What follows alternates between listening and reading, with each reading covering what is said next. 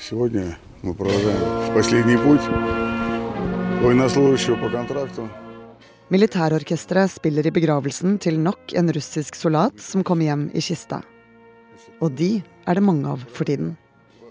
En av dem er Valerij Statylko, som ble drept etter bare tre uker i krigen. Det i seg selv er ikke uvanlig. Men det som er uvanlig, er at han var pensjonist.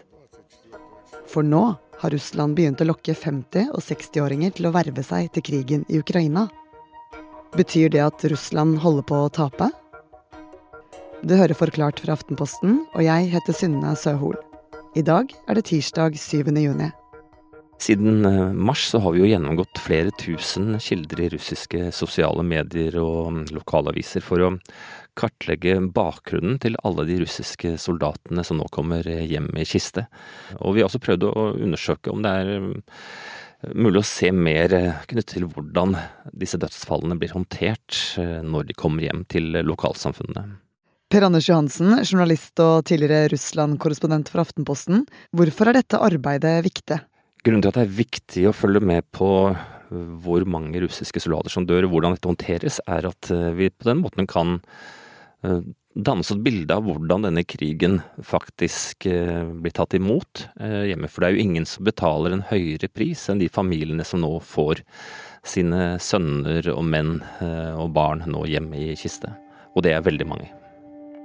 Og en av dødsannonsene Per Anders kom over, var pensjonisten Valeri Statylko.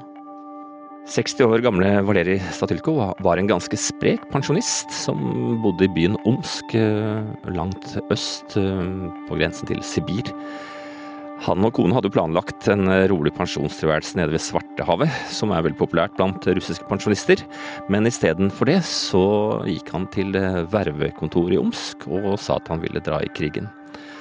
Og da, etter bare syv dager med trening og utdeling av utstyr, så var 60-åringen ved fronten. Han ble sendt til krigen da som vanlig skytter og fallskjermsoldat i en, eh, det som skulle være en elitestyrke.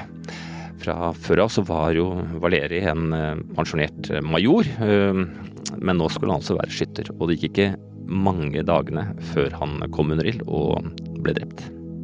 24. april, bare tre uker etter at han vervet seg, fikk familien til pensjonisten en telefon.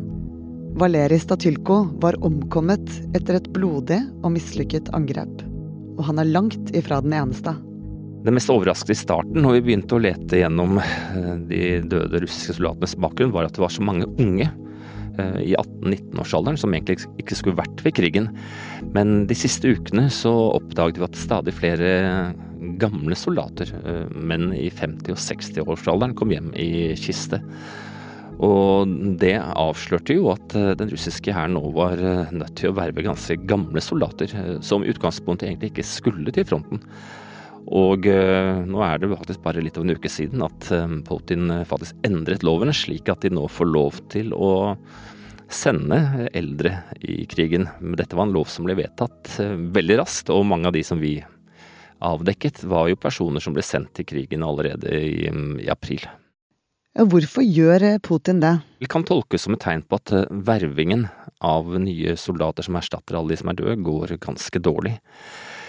Den russiske hæren har satt opp mobile vervingskontorer som eh, nesten ligner på en ja, slags valgbod, som nå plasseres ut rundt omkring i landet hvor de finner mange russere.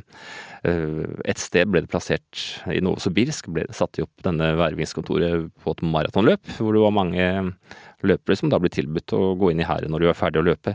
Vi har også funnet det utenfor museer i St. Petersburg og ja, en helt annen rekke andre steder. Fordi det er helt avgjørende nå for russerne å fylle opp avdelingene som led store tap i starten av krigen. Og Russlands forsvarsminister har sagt at de skal jo etablere tolv nye avdelinger. Og de som verver seg, de tilbys da ganske god lønn i russisk standard, ca. 25 000 kroner i måneden. Eh, og det er korte kontrakter de verves for omtrent tre måneder. Og de blir også lokket med at eh, hvis du går inn i hæren, så kanskje du får deg en gratis bolig på statens regning. Men det at vervingen går dårlig, betyr det at krigen også går dårlig? Det er ikke noe godt tegn for en eh, general at man må gå ut og hente 50- og 60-åringer inn, og russere flest ser jo at uh, krigen har uh, gått helt annerledes enn det Putin forespeilte dem i starten. Eh, man trodde krigen skulle over på noen dager, men nå har de måttet trekke seg tilbake fra Kiev, fra Kharkiv. Men i Donbas så rykker jo russerne sakte, men sikkert frem, men det koster dem veldig mye. Å sende pensjonister ut på slagmarken kan altså bety at krigen er ved et vendepunkt. At Putin blir presset til å ta et avgjørende valg.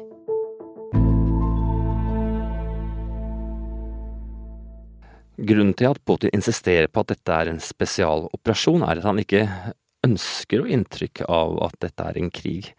Og hvis man ser på det russiske mediebildet, så uh, overholder alle de Putin-kontrollerte mediene dette veldig viktige prinsippet, nemlig at det er bare en spesialoperasjon.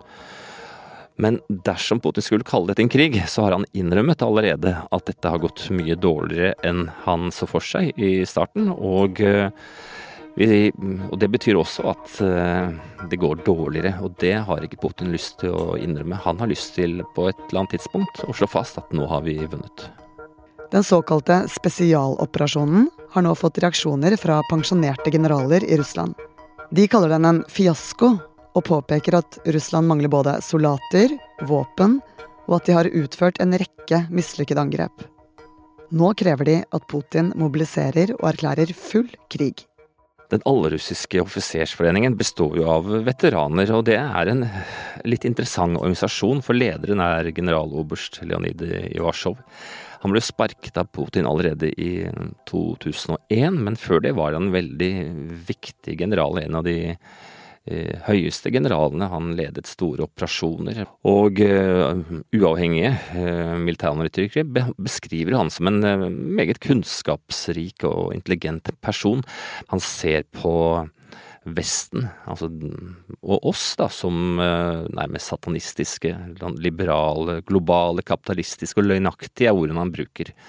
alt det vi forbinder med et fritt samfunn, kvinners rettigheter, aksept for homofili, like rettigheter, det ser de på som eh, nærmest Satans verk. Og i denne siste uttalelsen som kom, så krever jo da disse veteranoffiserene at Putin nå innfører eh, hel eller delvis mobilisering, først og fremst i alle grenseregionene i Russland. At han erklærer militær unntakstilstand, og at han innfører eh, da dødsstraff. Hvor vil den foreningen med mobilisering og dødsstraff Ønsker de faktisk en krig mot Vesten?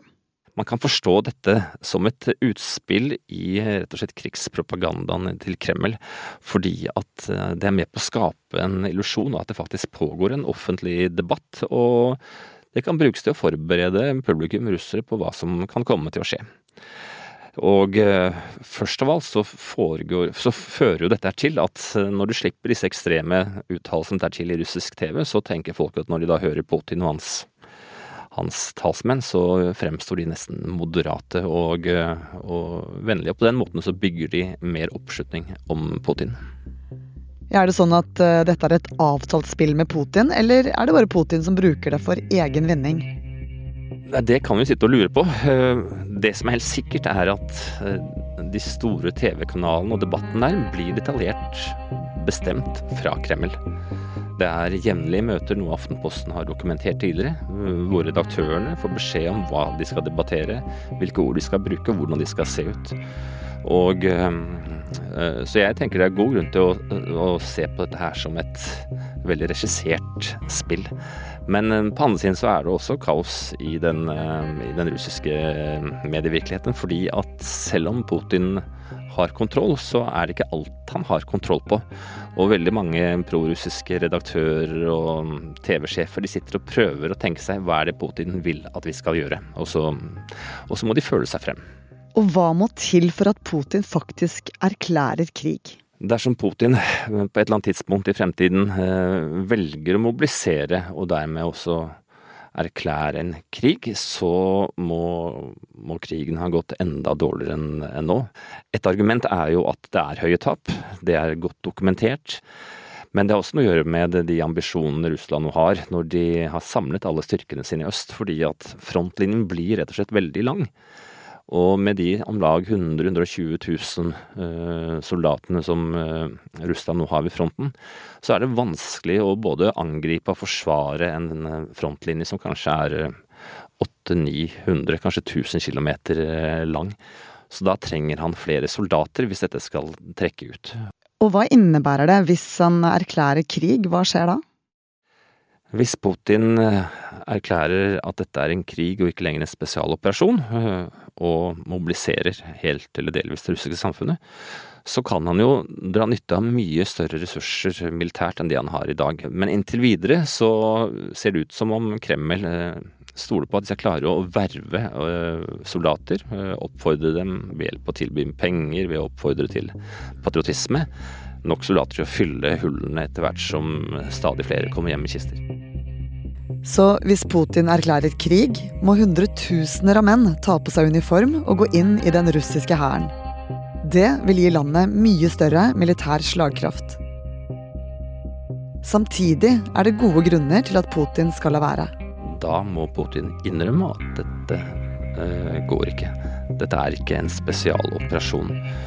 Og det vil eh, være en innrømmelse at krigen går mye, mye dårligere enn den russiske krigspropagandaen gir inntrykk av. Hvorfor er det så dårlig å, eller så fælt å innrømme det, da?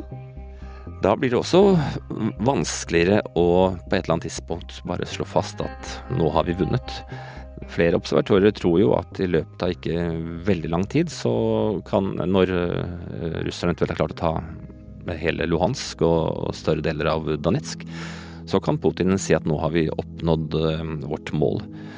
Og eh, hvis han må innrømme at dette er en krig, så brister jo også denne illusjonen eh, til mange russere om at det ikke har vært noen krig.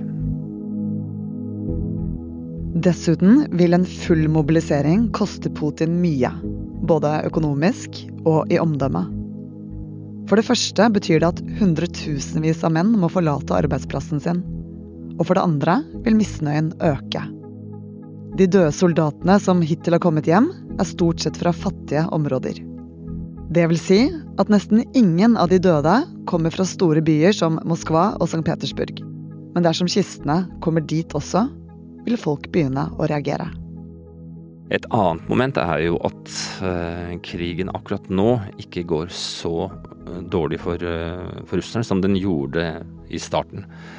I Donetsk og Luhansk så rykker jo de russiske styrkene fram sakte, men, men likevel sikkert. Og nå har jo Ukraina bare knapt 5% igjen av Luhansk og 40% av Donetsk. Og i løpet av kanskje bare noen øh, kort tid så mister ukrainerne eh, muligens den største og eneste byen de fortsatt kontrollerer i, i Luhansk, nemlig Sjevronetsk. Ja, men hva med vervingen nå, da? Er det ikke, møter ikke den noe misnøye?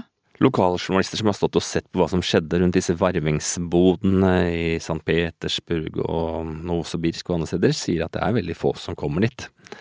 Og eh, selv om det er kommet lokketilbud, eh, lønnen soldatene får er jo kanskje fem-seks ganger høyere enn gjennomsnittslønnen. Eh, men du har sett et annet veldig interessant fenomen, da, og det er det at påfallende mange sånne vervingskontorer har blitt påtent nå de siste fem-seks ukene. Til sammen 15 vervingskontorer rundt omkring i Russland har rett og slett blitt brannskadet fordi at personer har kommet og kastet molotov-cocktails eh, i håp om å, om å, ødelegge det. Noen har blitt tatt, andre har klart å komme unna, men, men dette er jo et veldig interessant, spesielt fenomen som vitner om at det er noen der ute som er, eh, er veldig redde for at dette skal uh, trappes opp. Og pga. denne økende misnøyen og mangel på soldater ble det til at 60 år gamle Valeri Statylko valgte å verve seg. Men motivasjonen hans var verken leilighet på statens regning eller fete lønninger. I sosiale medier i Russland så blir preget preges så mye debatten av at man sier at ok, han døde, men han visste hva han gikk til. Han gikk i krigen for å tjene penger. Og familien til Valeri ønsket å understreke at nei, det var ikke tilfellet med, eh, med vår Valeri. Han dro til krigen av helt andre grunner. Og broren sier at uh, han gjorde det fordi at han ikke ønsket at 18- og 19-åringer skulle bli sendt i krigen istedenfor han, og derfor dro han.